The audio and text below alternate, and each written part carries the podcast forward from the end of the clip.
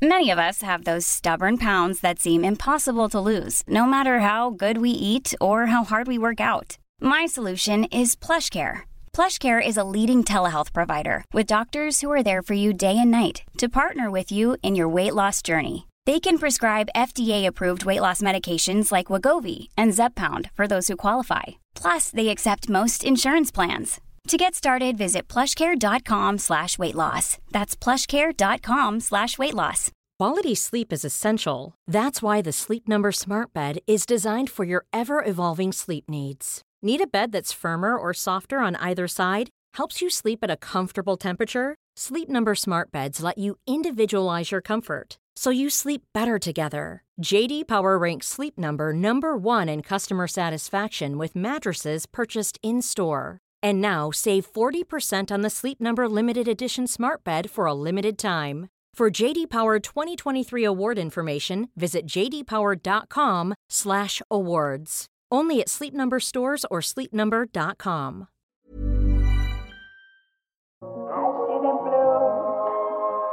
I and I think to myself, what a wonderful world.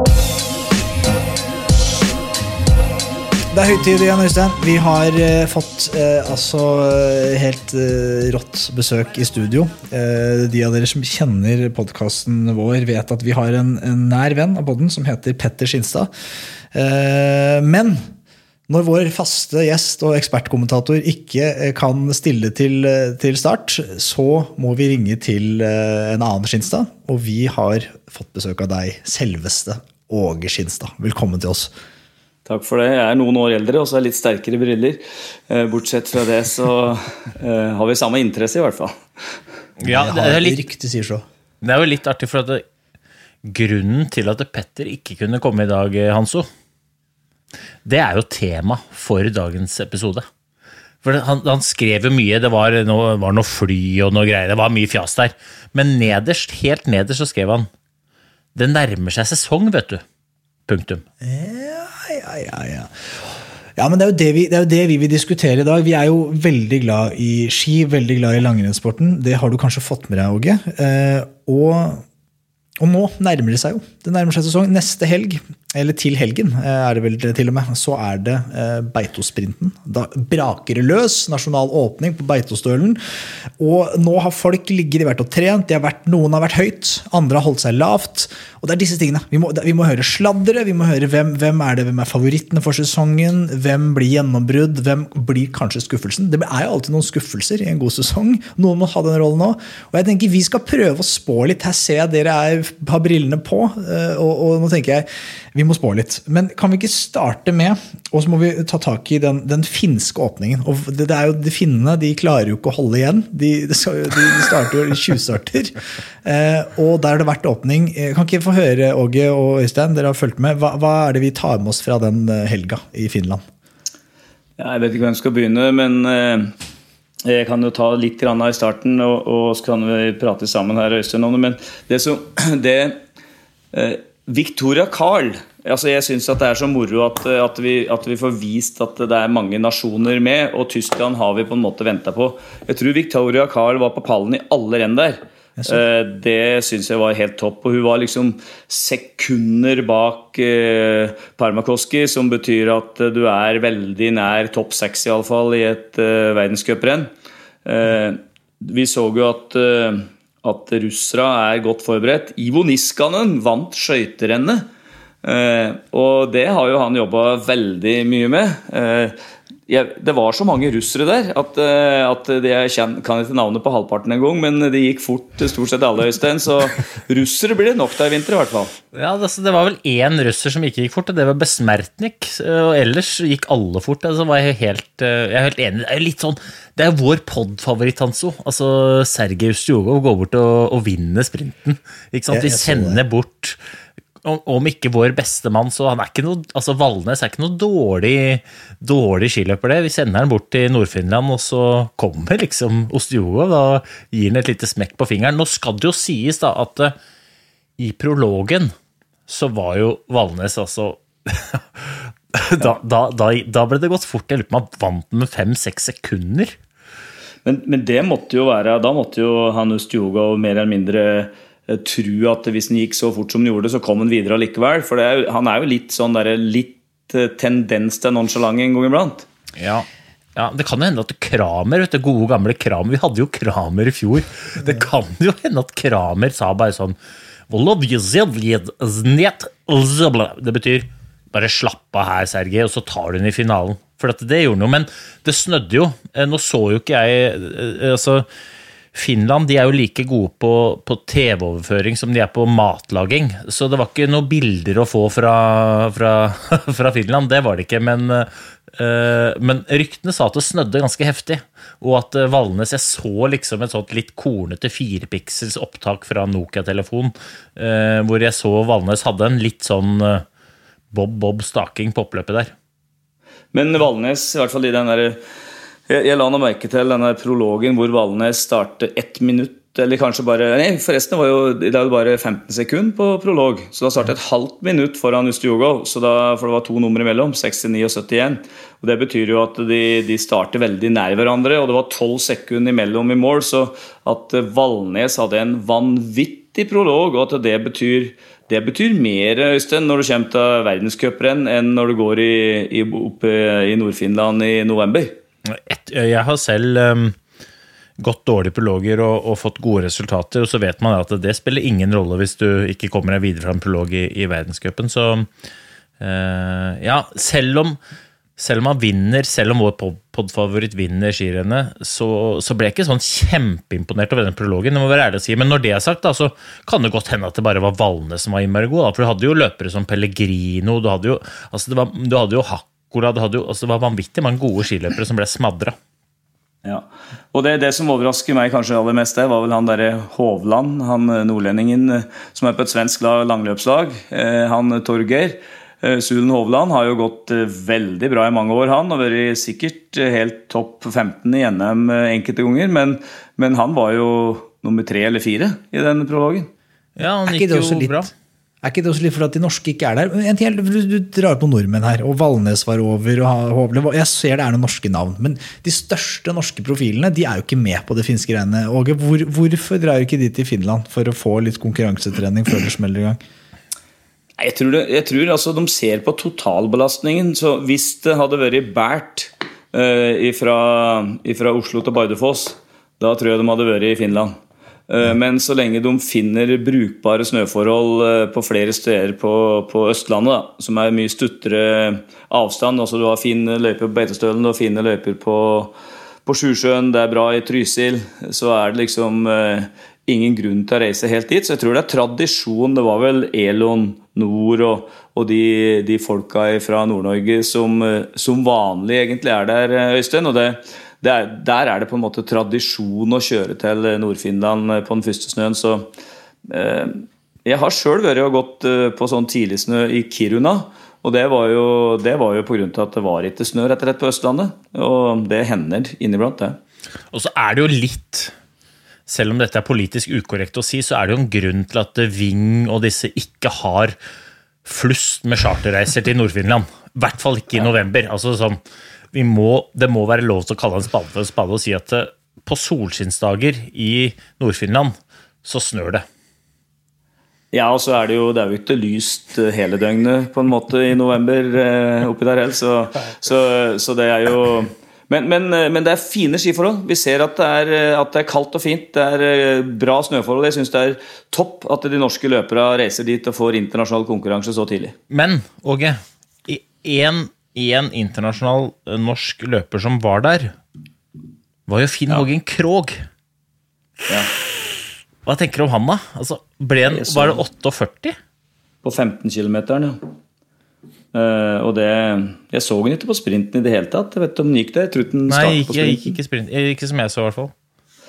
Nei, altså, men, men ett dårlig resultat av Finn Hågen Krogh, det, det, blir jeg på en måte ikke skremt av. da. Jeg har sett uh, såpass mange enkeltresultater som har vært langt nede. og så kan være, Han kan vinne på Bettstølen. Ja. Han kan vinne 15 fri på Bettstølen. Så jeg, jeg, vil vente mye lenger ut i sesongen med å, å dømme Finn Hågen. Han, han barberte jo, han gikk jo søndagen også. Han gikk jo 15 cm klassisk. Da lurer jeg på om han var borte fire minutter bak.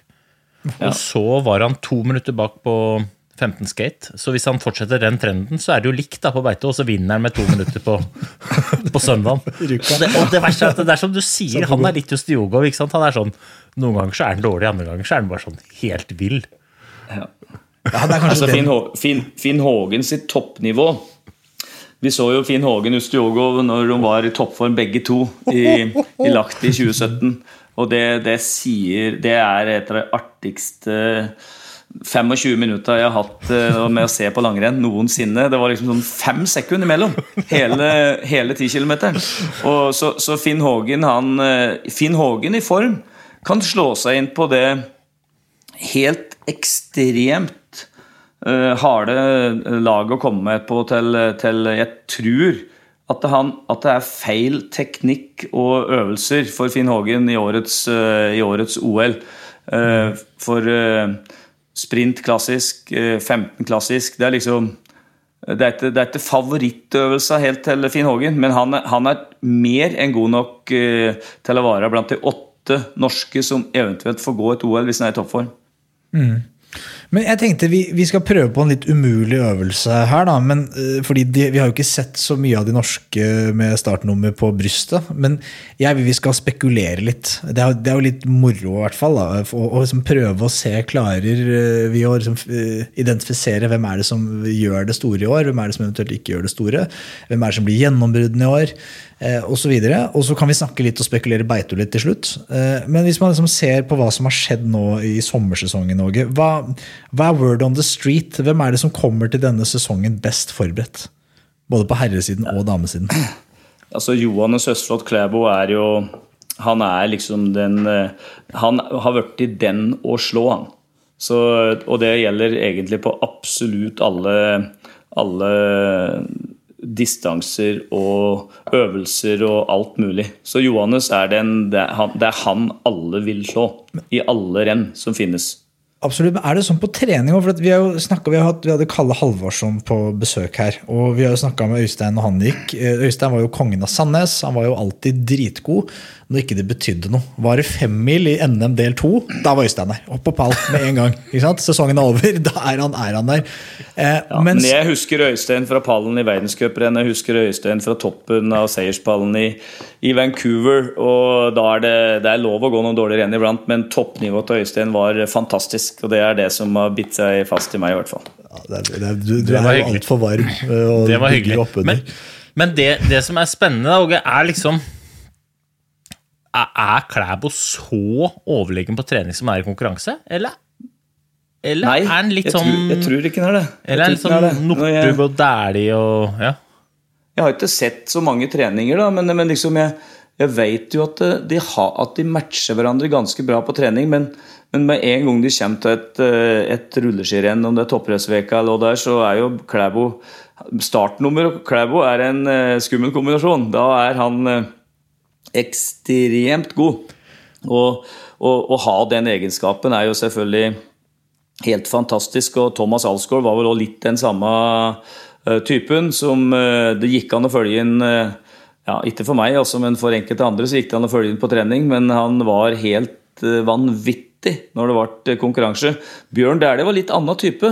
Petter Northug var vel også den typen som gikk an å gå ifra på trening, men umulig å slå i konkurranse. Mens Bjørn Dæhlie han, han fløy du ikke fra på trening heller. Han, eh, han, var, eh, han var i kjelleren ofte. Ja. Men, men hva, hva skyldes For det, var det som skulle til. Hva, hva skyldes det?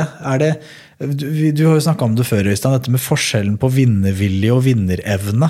Hvorfor er det sånn at noen bare er så mye bedre på å vinne, og er så mye bedre med starten enn på den andre? Er det mentalt, da? For det er jo åpenbart, eller sannsynligvis da ikke at de er bedre trent.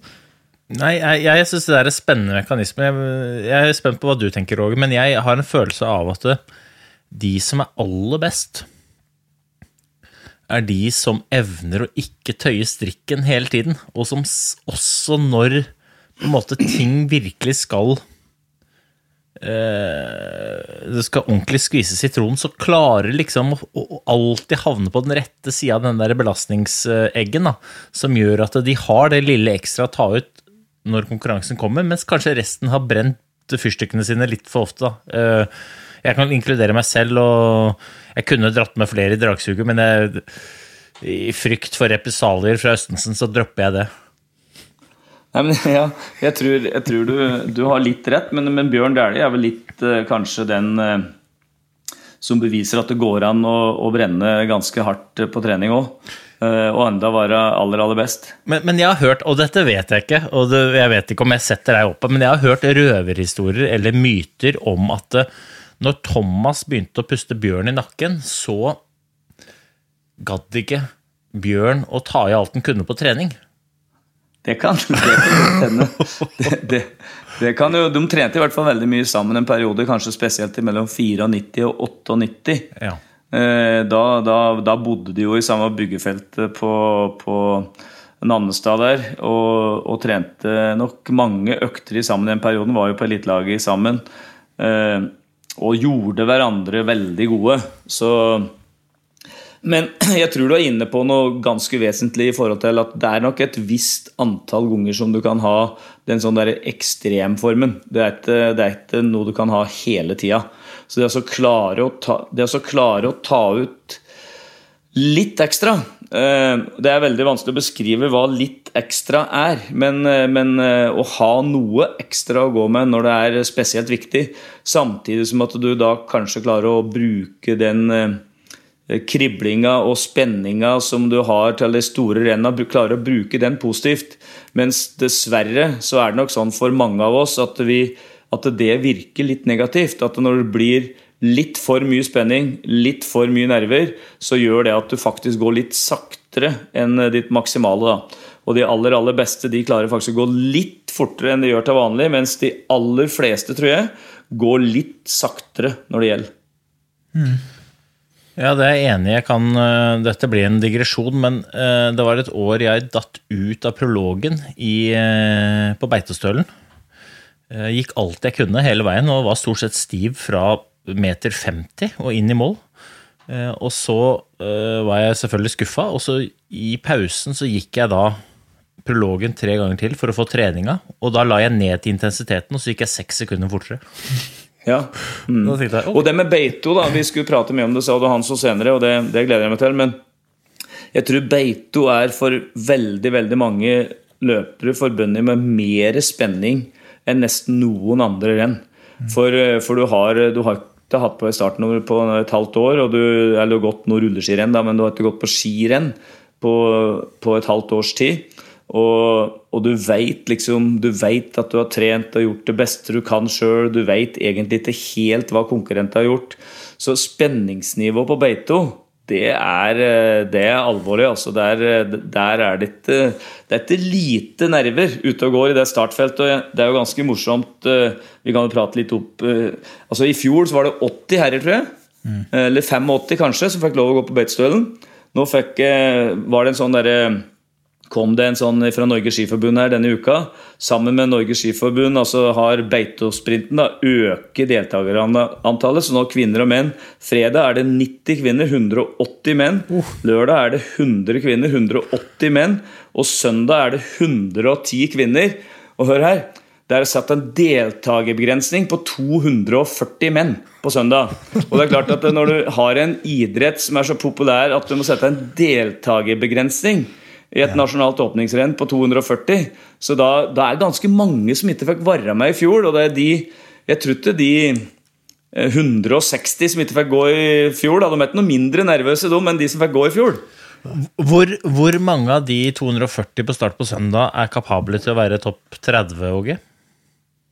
I hvert fall 100. Det er helt sinnssykt. Det er helt sinnssykt. Og det, og det, er det her Men jeg, som, jeg, er jo bare en alminnelig enkel uh, seer uh, og fan. Og jeg, jeg også sitter og er mer spent, og det kribler mer på Beitosprint. Altså jeg jeg syns det kanskje er årets råeste renn å følge med på TV. Jeg syns NM er helt rått. Og det er fordi at jeg elsker når det er nå de unge som puster de, de etablerte i nakken. Den dynamikken med hvem er det som kommer i år, og de du ser nervene hos landslaget, og de bruker den ja, men vi, vi sparer oss til Rukka. Vi kommer jo ikke inn her i toppform. Og det er sikkert litt sannhet i det, men, men det er også litt sånn det, Den spenningen, den digger vi. Men, men bare til, før vi, vi skal snakke mye mer om Beito. Bare i, i, I sommer så var det, er det vært trening, og, sånn, og det, dette er jeg fascinert av. Jeg føler eh, Hvert eneste år, i hvert fall de siste årene, så har man spådd eh, Vi er på herrene igjen, du starta med Klæbo. Og da snakker man om eh, Simen Hekstad Krüger. At, at han, og så sier Nossum at eh, i år så tror jeg Krüger vinner verdenscupen. For han har altså en så hinsides kapasitet at han er den eneste nordmann som kan henge på Bolsjunov når han drar i gang. Og så dessverre liksom, så vil det seg ikke helt. Så kommer sesongen, og så ja, ikke sant? Nei, vil det seg ikke. Hva, hvorfor går det ikke for Hegstad Krüger? Eller, eller kommer han i år? Jeg tror Hegstad Krüger vinner verdenscuprenn i år. Men jeg tror ikke han vinner verdenscupen. Uh, altså, jeg tror han vinner renn i verdenscupen, og jeg tror han er god nok til å vinne. Han vant jo Det er vel han som vant det siste verdenscuprennet som har blitt godt også? Ja, sant? han vant jo OL-gull. Vant jo OL-gull på, på, på den ja, vi kaller det vel jaktstart eller fellesstart med skibytte. Og det er jo en øh, øvelse nå i, i høyden. Eh, han er jo en av de mest ekstreme til å ikke bli stiv når han bytter teknikk. for å si det sånn. Altså De aller aller fleste får jo en liten down etter at de har fått på seg andre typer ski og begynner med annen teknikk. Det ser ikke ut som han får i det hele tatt. Eh, og han er jo enda litt sterkere på friteknikk enn på klassisk, så han har jo på en måte riktig rekkefølge. Han er jo det som kalles for et høydedyr. Altså han, eh, han eh, presterer vel på dag to-tre når de er i høyden. Og vind de er når de er nede i Frankrike, i Pyreneene der, så er det jo stort sett han som vinner testløpet. Så at han, er, at han er favoritt på den OL-distansen nå før sesongen starter, det tror jeg faktisk at det er liten tvil om. En annen, de, en, en annen de snakker om litt, er jo Emil Iversen. Som, er, som kanskje er mer komplett i det at han også er så god i sprint. Som heller liksom, han selvfølgelig, Alle vi snakker om nå, nå er jo helt sinnssykt bra, og de når jo helt vanvittige resultater. Men nå snakker vi liksom om er det noen som kan, eh, som kan liksom utfordre Klæbo og Bolsjunov om verdenscuptronen. Det er litt det som jeg prøver å spekulere i her. da. Fins det noe håp? Ja, jeg tror egentlig ikke det. Jeg tror at verdenscupen sammenlagt står mellom de to.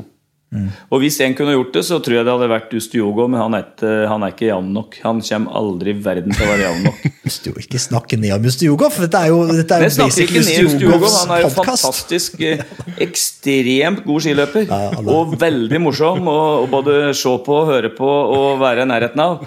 Eh, Så jeg er jo fan av Ustiogo, jeg òg. Jeg er fan av Markus Kramer òg. Men, eh, men jeg tror ikke han går så mange gode skirenn på rad at han eh, klarer å vinne verdenscupen sammenlagt. Men han har vel kanskje gjort det. Ja. Ja, har han vunnet verdenscupen? Nei. Jeg er litt usikker. Hvor er Petter når vi trenger han? Vi må Ja, ha Det dette er Skinstad. Nei, men jeg er, jo helt, jeg er jo helt enig med deg, da, at jeg tror det er liksom de der. Men altså, Hanso, Yes.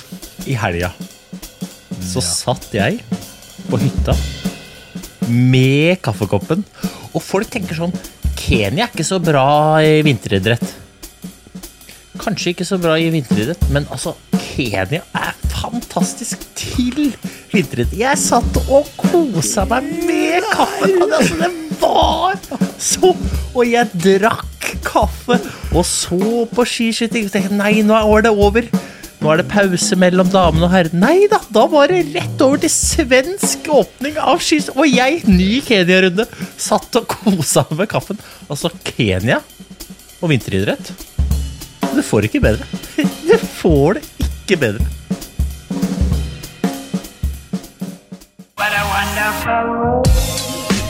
Til Beito, da. Hvilke løpere utenfor det etablerte laget er det du kommer til å følge ekstra godt med på? Altså, jeg vil jo si at uh, Gunnulfsen, som var uheldig i fjor, eh, som var da på gang til noe sånn der kjempestort nå Han har en 15 km klassisk i, i OL eh, i år, som jo passer som hånd i hanske for han. Eh, han vant 5 km klassisk på Beitostølen i fjor. Og Gunnulfsen han eh, er god nok til å gjøre det igjen, han.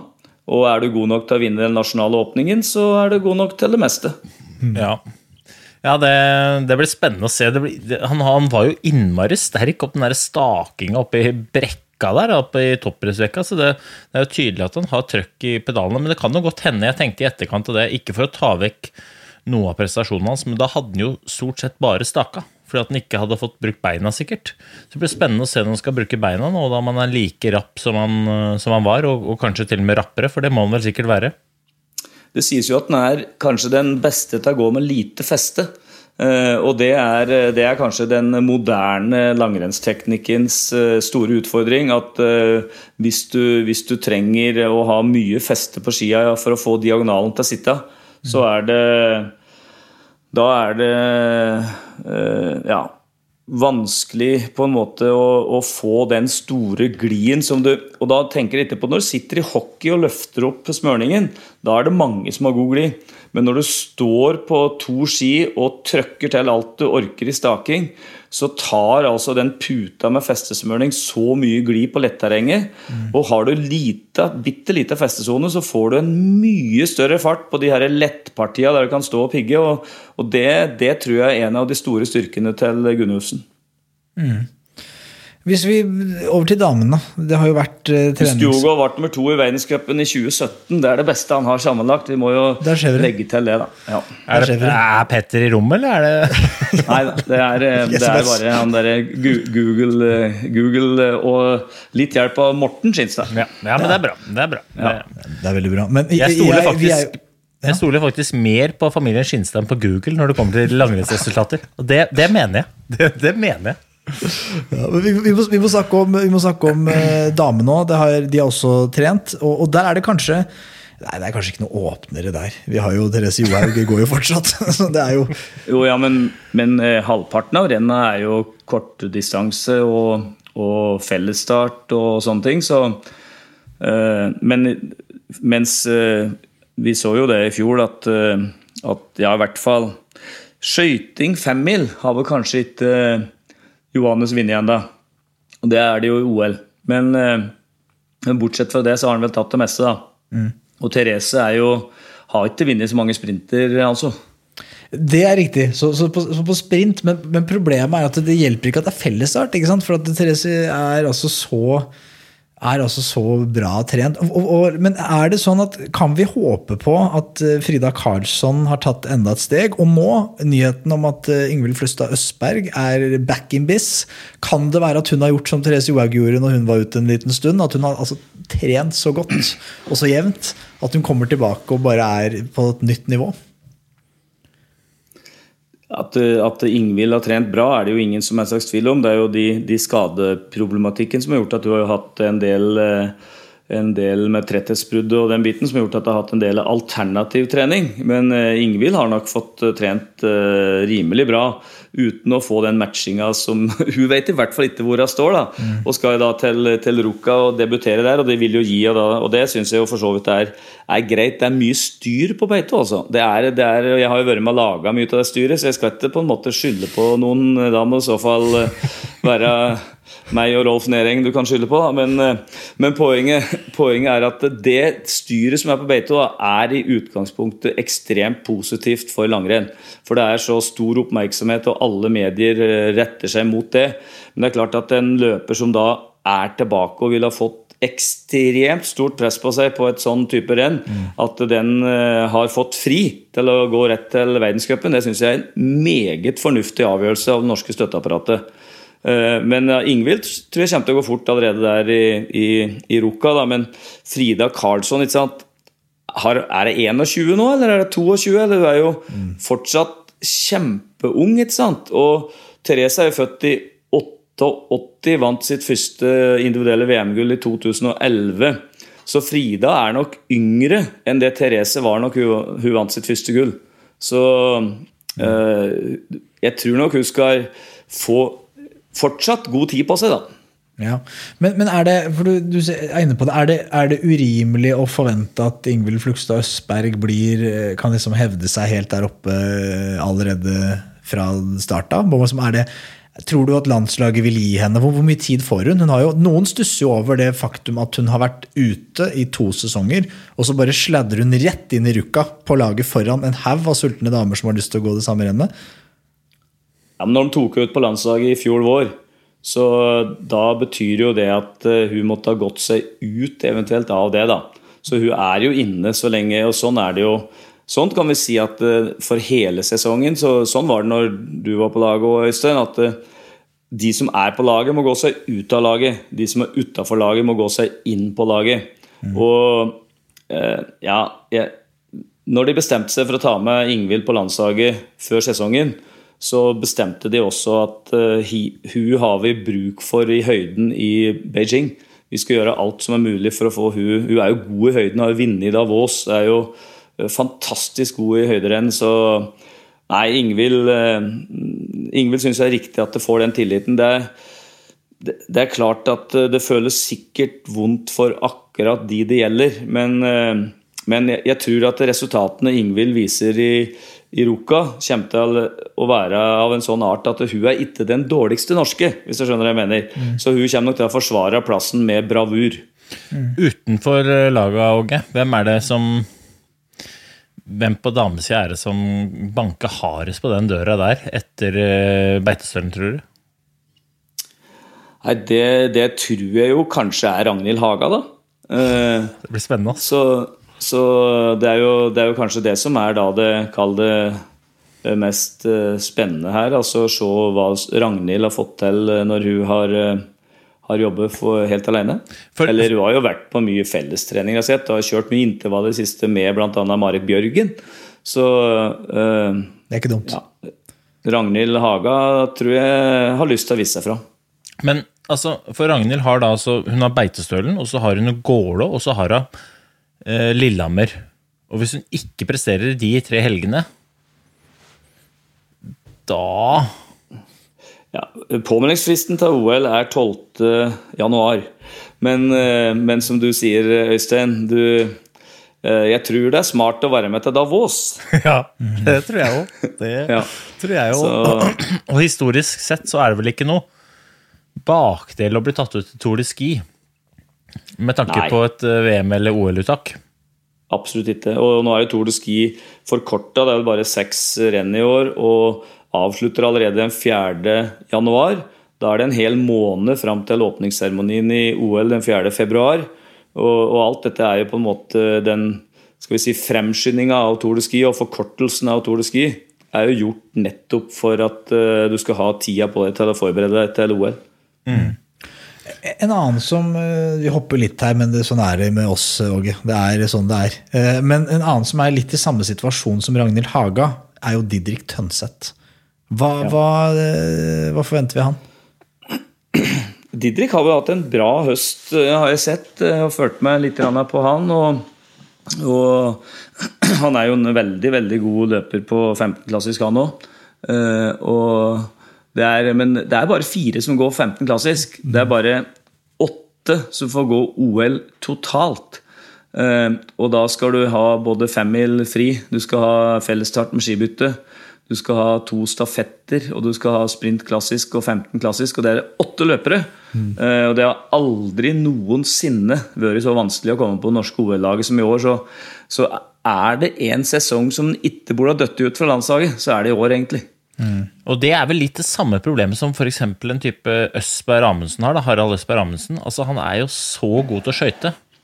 Men ja. så liksom Hvis det ikke er Ja, det er jo ingen som blir tatt med for tredje etappe på stafetten, f.eks. Eh, nei, og, og, vi ser på vi, altså Det var jo mye diskusjoner om uh, uttak. Det er det forresten hvert da, så det var ikke spesielt. Men sånn som Sivert Vik, f.eks., mm. som jo var på VM-laget. Ung, lovende sprinter, født i 97, på VM-laget. Og, og, kom da ikke med på verken elite- eller rekruttlag.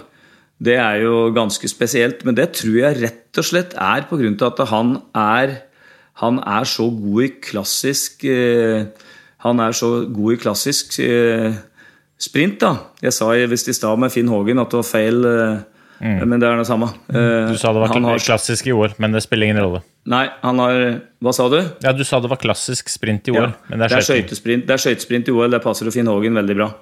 Men, eh, men eh, det passer ikke Sivert Vik så bra. Så derfor så er det liksom å være tredje-fjerde beste sprinter Jeg tror det skal hardt gjøres å komme med altså, Og den beste sprinteren er jo, er jo Johannes. Og han kan jo gå alt. Og han er jo klar. Eh, Den nest beste sprinteren er jo vanligvis Valnes. Og han vant jo 10 km klassisk i NM i fjor. Og så har du Iversen, da, som uh, Han kan gå alt. Han kan gå alt. Iversen kan gå absolutt alt. Ja, det er, Så, det er også, men så har du Holund, da. Det er Holund og da Krüger, som jo kan gå både femmil og, og tremil. Så det er, det er en det blir vanskelig å ta ut det laget, Øystein. Jeg tror det blir en liten diskusjon mellom Monsen og han eh, Nossum der. Kanskje vi skulle tatt en sånn fellespodkast med oss og, og, og dere på skisporet, og så bare gjort det live. Ja, det tror jeg hadde det vært eh, ja, også, Ikke bare nødvendigvis uttak, men hørt liksom diskusjonen også. For det, det tror jeg er litt spennende, faktisk.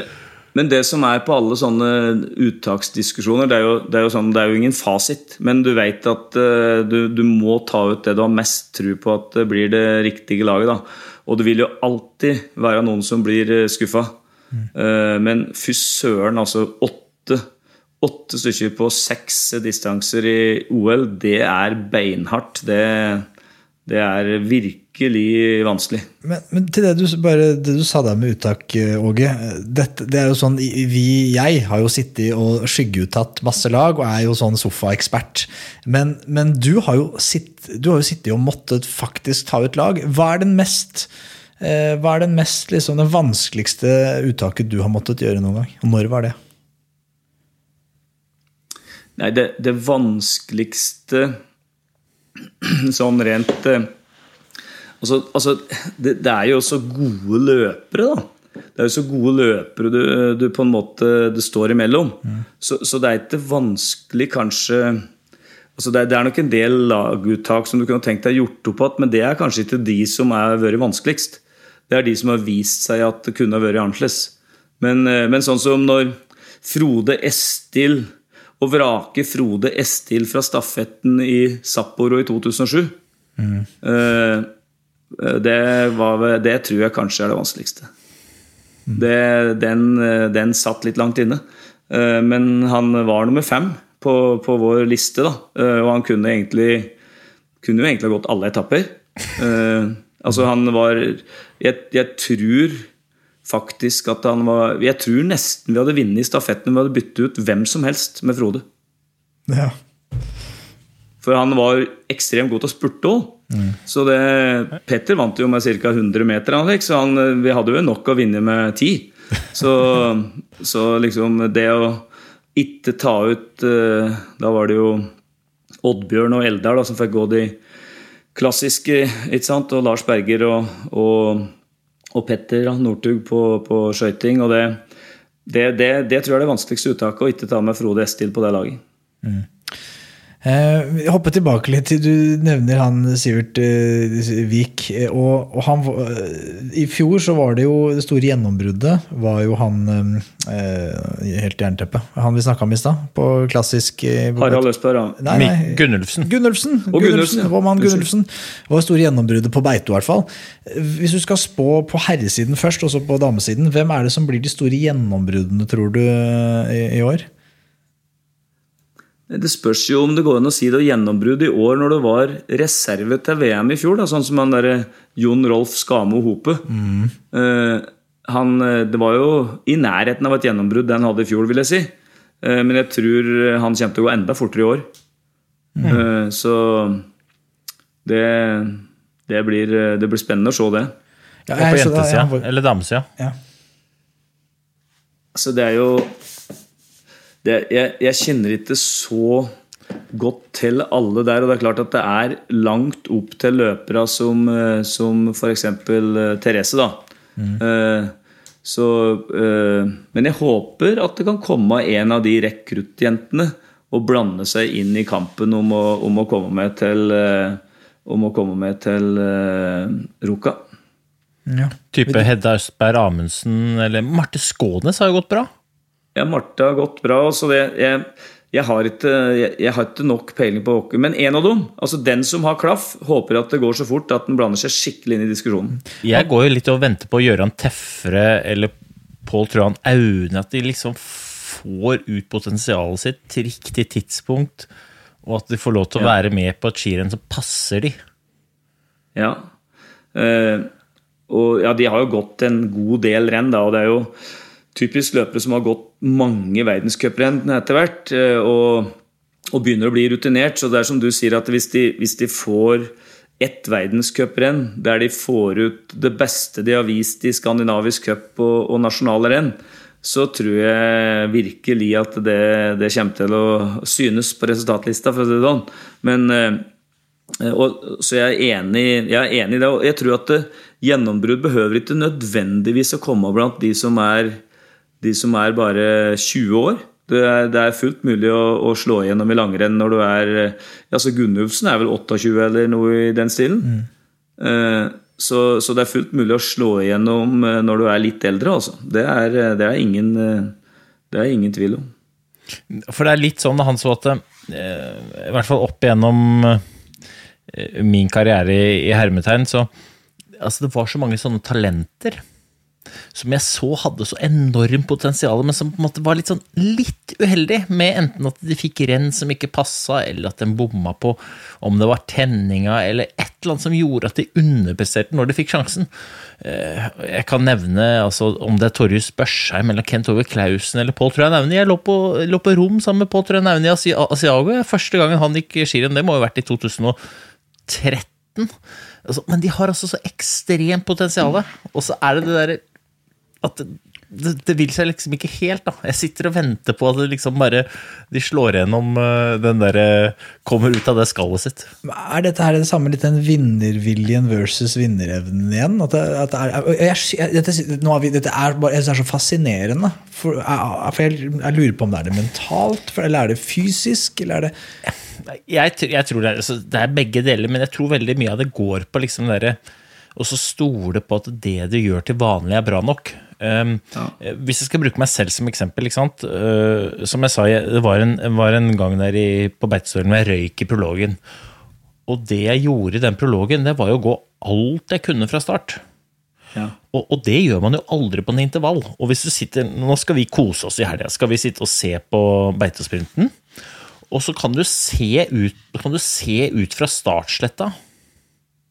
Og så kan du sammenligne den farta de har ut fra startsletta, på når de kommer inn på den samme sletta etter 4,8 km. Og da ser du om de har åpna altfor hardt, eller om de har hatt trygghet til å bare gjøre det de pleier. For disse her utøverne her, de har gått intervaller hele sommeren, hele høsten, men aldri starter en intervalløkt sånn som veldig mange starter det skirennet på Beitostølen.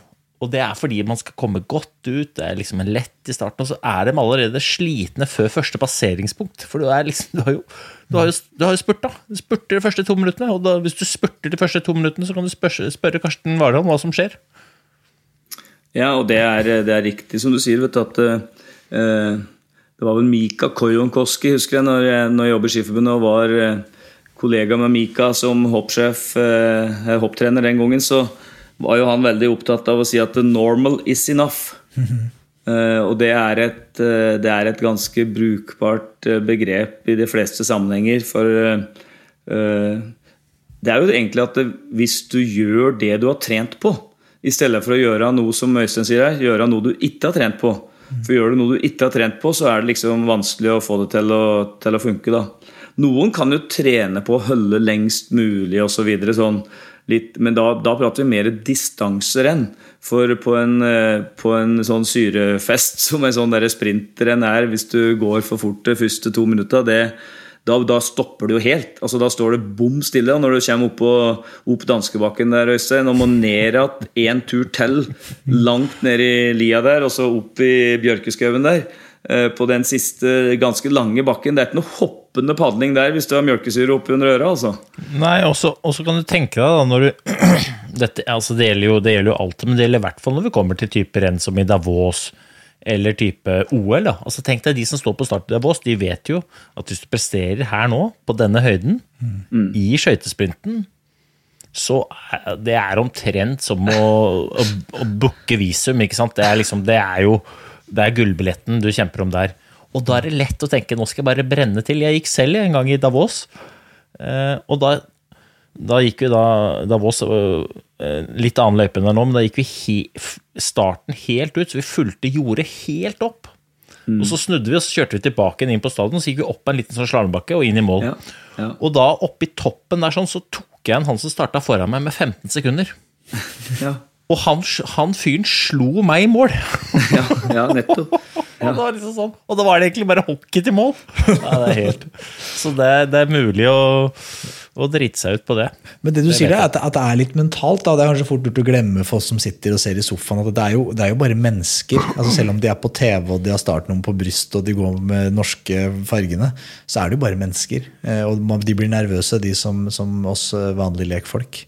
Ja, og så tror jeg, også tror jeg også veldig mye av det her handler jo om liksom den derre planen for hvordan du har tenkt å løse dette rennet. Altså, um, det er så lett å glemme den planen idet du behører. pip, pip, pip, pip, pip, og så er det bare bånn Johnny, ikke sant? Istedenfor at du bare holder planen, og det veldig mange har som plan, er jo at de skal holde igjen litt i bakkene, gå fort over bakkekuler, gå fort i svinger, gå fort i letterreng, og så holde igjen. Og så glemmer i hvert fall jeg altfor ofte det idet liksom startskuddet går, og så går man seg pinnestiv, og så går man sakte både bortover, oppover, nedover, og så Ja. Se på, se på Klæbo, da. Han går jo aldri fortest oppover i distanserenn. Men han går jo altså så ekstremt fort i letterrenget. Han går så fort i svinger. Han bruker liksom det. Altså, Petter Northug han vant 50 meter skate i Davos. Jeg skal ikke si at han gikk sakte oppover, det er jo bare tull. Men han gikk altså desidert fortest nedover. Og det var bare sånn, Ja. det var helt fantastisk å se det rennet.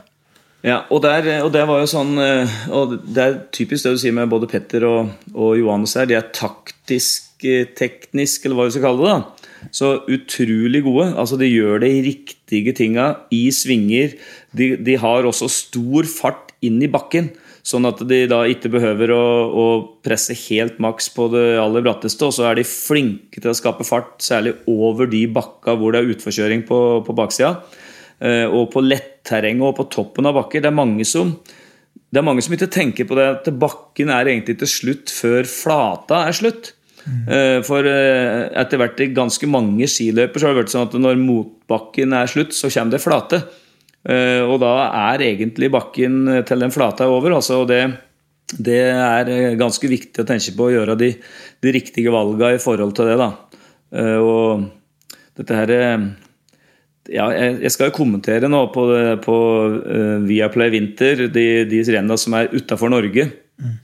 Så her, det er jo disse tinga der å klare å oppdage det og se på en måte Lese mellomtider og løpsutvikling, eh, Øystein. Det er jo det som er, det er, det som er eh, vanskelig og, og samtidig ekstremt utfordrende og spennende. da. Men Synd at ikke Aino Kajsa Saren er med lenger, for hun var veldig lett å lese. For hun fikk liksom fighting face omtrent på start. Var sånn klar, ferdig, og så knøyt det seg helt, og så begynte det å renne spytt idet hun forsvant ut av stadion. Og bare Hun var veldig god til å stå i det, det skal vi ha. Ja, men det er bra. Så hvis man skal ta et råd til, til de som hører på som skal ut og gå på beito fra en podkast, noe jeg ikke anbefaler noen å gjøre, eh, så er det vel da stick to the plan. er vel det som er rådet fra dere som kan dette, boys. Ja, Og laga planen ut ifra det du har trent på. Så må du huske vet du, at du, på Beitestølen så bruker de jo, hvis det er raskt føre, så bruker de en 35 minutter. da. På de tre rundene. 35, 36, 37 minutter, litt avhengig av hvordan lø- løypa er. og liksom, Men det er liksom, hvis du skal løpe et løp på 35, 36, 37 minutter, så brenner du jo ikke ut. altså, det, er sånn, det er jo ingen som gjør det. Men jeg garanterer deg, Hanso, at du kan se noen som ikke hører denne podkasten, eventuelt noen som har hørt podkasten, men som tenkt Pølsa, Hans og Åge, de dropper jeg å høre på, og som kommer til å brenne ut. Og da, eh, som eh, min gamle trener Per Øyvind Torvik sa, da flyr du ut, og så krabber du inn. Ja.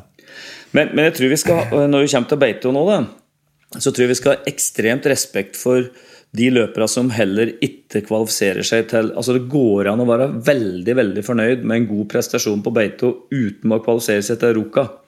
Eh, og da se fremover mot, eh, mot eh, Gålå, se fremover mot øvrig norgescup, skandinavisk cup, NM ikke minst, som er høydepunktet for mange. Og det, så jeg, jeg tror òg at det, det er liksom ikke sånn at de som Når det er 240 herrer på start, så er det liksom ikke, da er det ikke bare åtte som blir fornøyd. Altså det er, eh, det er nok eh, Halvparten tipper er fornøyd, og halvparten tipper er eh, misfornøyd. For halvparten går egentlig fortere enn de kanskje hadde håpa og trodd. Og halvparten går da litt saktere, så noen går vel akkurat, kanskje, da, men, men sånn ca. 50-50, tror jeg, Øystein, som er fornøyd og som er misfornøyd. Ja, det tror jeg nok. Og så tror jeg man glemmer liksom det at det er jo Det kjempes jo om eventuelt én billett på herresiden. Så det er liksom ikke sånn at alle som ikke kvalifiserer seg til Rukka, bør stikke huet i sanda. For da, da, blir det, da er det tøft. Ja. Og, og, som du sier, Gålå blir jo også kjempeviktig. For det er jo tross alt litt større kvoter på Lillehammer. Mm. Uh, og der er det jo to U23-løpere òg som på en måte er Altså to av løperne som går på Lillehammer, må være U23.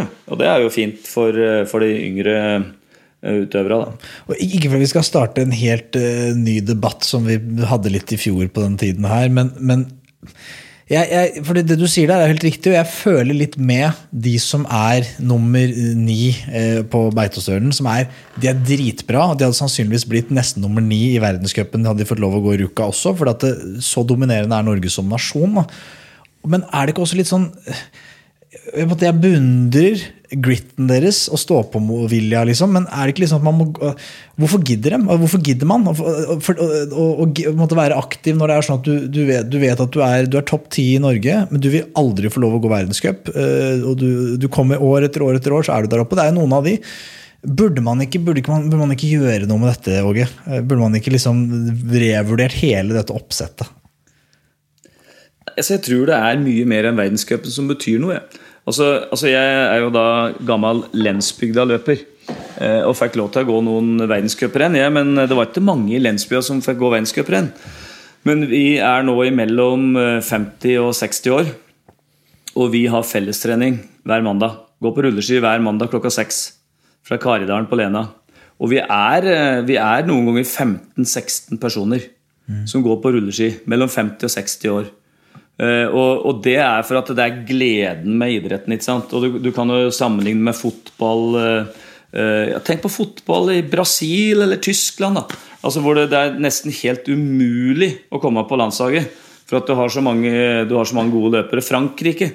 Men likevel så er det jo Det, er jo ikke, det er jo ikke måte på mange som satser langt, langt ned i divisjonene. og, og, det er litt det samme på, i langrenn. At det er, det er ingen sånn du, du, Jeg tror at hvis folk klarer Nå jobber jeg med arbeidsinkludering til daglig. Og jeg ser der òg at hvis folk klarer å bli den beste utgaven av seg sjøl, og de klarer å se at de får framgang fra renn til renn, og klarer å se at de er nærmere toppen, at de, at de går bedre teknisk, at de, de, får en bedre følelse Altså Jeg tror at det òg betyr veldig mye. Altså jeg tror at vi, jeg tror vi blir litt for resultatfokusert. Jeg tror det er mange som tenker rett og slett litt mer på egne prestasjoner og på gleden og, og rett og slett uh, rett, Hvor fint det er å være med, da. Ja, jeg tenker, Skal vi kjøre full debatt på dette? Jeg, jeg, er jo enig, jeg er jo enig med deg mye du sier der, Roger, men jeg mener likevel at det er, det er en Eh, jeg tror på en måte dette her er Jeg tror en del uh, unge håpefulle utøvere der vil bli, bli, bli provosert av det. Da, at, men Er det ikke så hyggelig at du kan få være med? At jeg tenker på bedriftsfotballen, hvor artig det er. liksom, Og det er artig for deg å møte opp. Jeg tror at de, de, de er frustrerte over at det er så få plasser.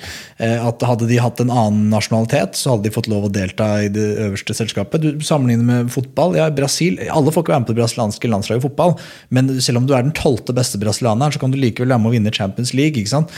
Så, så, det er på en måte mange flere arenaer da, å spille på. Her i langrenn så er det bare én arena. Det er én arena som vises på TV. Det er ett sted du kan liksom leve av idretten din. Da. Det er i verdenscup. Utover det så må du slite. Ja, jeg, Nei, det er feil. jeg er ikke enig. Jeg tror eh, du kan leve av godt eh, dersom eh, Øystein har vært med mange år på langløp. Og det er, eh, men, eh, men leve av eh, er vanskelig på, på norgescupnivå. Så er det selvfølgelig vanskelig å leve av det, i hvert fall når du blir litt voksen. Men, i, men i, i, starten på en karriere, som du, før du får veldig mye utgifter, så kan du også leve sånn noenlunde normalt av lokale sponsorer og sånne ting da. Og, og jeg, jeg tror at eh, jeg tror at, eh, at det er Altså du, Plutselig sant, så løsner det. Og det er sånn eh, Vi, vi, vi, vi vet jo Vi vet jo det med Gunnulfsen, som da slo igjennom i fjor. Han er 28 år nå, født i 93. Han, eh, han kan eh, klare det på nytt, han. Han, hadde, han var jo Han ble vel sjuk av alle ting. Men han var på vei til Rukka, til flyplassen. Og tenk på å være så ærlig og fin. da og så bare si ifra, ringe til Espen Bjervik og si at du er litt sånn snørrete, så jeg snur. Uh, altså det er det er ganske bra. Da har du ganske tru på at du skal klare å gå så fort en gang til, i hvert fall. Så ja, jeg, jeg, jeg syns kanskje at vi skal ikke ha så fokus på de som blir skuffa. Ja. Jeg tror vi skal ha mer fokus på de som eh, blir fornøyd. Og jeg, eh, noen eh, no, må se på de måla som hver enkelt setter seg, og, og hvilke realistiske muligheter de egentlig har. da. Men neste mandag, Åge Hva er det du sender melding til meg da om hel Hvem er helgas bombe? Gi meg helgas bombe. Det kan være positiv eller negativ forstand. Det kan være en smører, det kan være bjelle som har rota seg ut i løypa. Det kan være hva som helst, men hva blir beitestølens bombe? Nei, Det er jo spennende å se Caroline Simpson Larsen, som blir trent av Bjelle. eh, At hun skal jo gjøre en form for comeback. Det blir spennende. Jeg tror at eh, når vi så på rulleskirennet i Samar, Elena Riise Johnsen fra Team Norconsult kan eh, være en sånn bombe. Thomas Så- Larsen. Hæ? Thomas Helland Larsen fra samme team. Thomas Helland Larsen, ja. Tenk på det han gjorde opp til, eh, opp til Tryvann der. Eh, Så nei, vi har, vi, har mange, vi har så mange gode løpere, Øystein, så dette blir jo Det blir eh, kjempespennende. Konrad Unsgaard, husker jeg var det på pallen på Beito et år som, mens jeg var aktiv. Han, var, han hadde gått i mange år også, før han kom på pallen på Beito. Så det, er, det kan komme en mer rutinert løper òg, av de Telemark-gutta. Eh, Det kan være en av de Norconsult herreløpere. Mm. Så Erland Quisle. Erland åh, favorittløper, altså Hivju i langrennssporet. Men um, skrekkscenario for Espen Bjervik og co. Kan vi risikere På damesiden så tror jeg det ikke, men kan vi risikere at vi får en herrepall en av dagene uten eliteløpere på den eh, pallen? Jeg tror svaret er nei. Nei, Jeg tror ikke det heller, men det liksom, hadde vært litt gøy òg. ikke, ikke fordi at jeg vil de andre vondt, men sånn For det er jo så mange gode. Det, det kan jo skje. Altså Hvis en Helland Larsen, hvis en Gunnulfsen, og så hvis en en gærning til får fullkraft, da, en uh, Stenshagen eller et eller annet. Ja, nei, altså eh, Det er jo kjempegode løpere du nevner. Og, som, og en og en av dem er mer enn god nok til å være på pallen, men jeg blir overrasket hvis du da på, på de distanserenna da, eh, at verken Johannes, eh, Holund, Krüger, Emil Iversen hvis, Altså ingen av dem liksom har en av de pallplassene, da, da blir jeg ekstremt overrasket. Og på sprinten, ikke sant? med det sterke sprintlaget vi har. Så det skal være godt gjort å slå seg inn på den sprintpallen uten å være på landslaget. Ja, jeg, jeg, jeg, støtter deg. Men det, blir, det, det er jo så tett at vi vet jo ikke hvem det er, så det blir spennende uansett. Altså, jeg gleder meg så mye. Ja, det er, dette er altså, det er jul og, og nyttår og bursdager, alt samla. Beitosprinten er helt rått. Og, eh, Åge, takk for at du tok deg tid til å være med oss. Eh, Du er, vi håper du har lyst til å komme igjen. Da. Vi- Det er, altså, alle skinnstader har jo en slags åpen og stående invitasjon til gode dager. Sånn er det bare. Eh, Du er en hedersmann. Du har, gitt, du har jo gitt mer til langrennssporten enn omtrent noen andre. Så, så eh, vi hyller Ja, deg i hvert fall. vel, vel. Og så eh, snakkes vi. Det er bare å glede seg nå, boys. Det er bare noen dager igjen. Det begynner klokka Jeg tror det begynner tidlig i helga, i hvert fall. For de som jobber. Da tror jeg det begynner nitida. Alt, for det er så vi, mange vi, løpere. vi, vi må ut og trene en liten tur før rennet, Øystein, for ellers så klarer vi ikke å sitte rolig. Det må vi. Det kan jeg ikke love. Jeg skylder på hjerneblødning. Shalla boys! What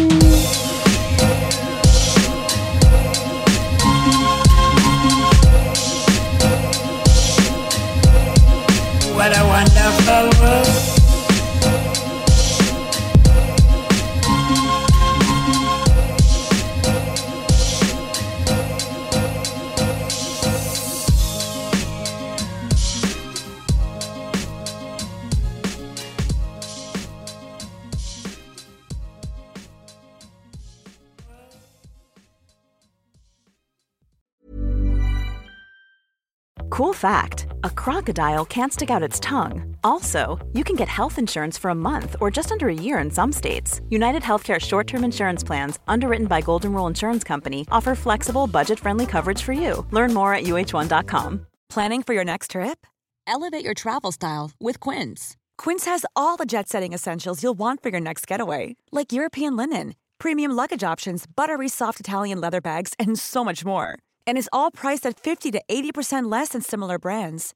Plus, Quince only works with factories that use safe and ethical manufacturing practices. Pack your bags with high-quality essentials you'll be wearing for vacations to come with Quince. Go to quince.com slash pack for free shipping and 365-day returns.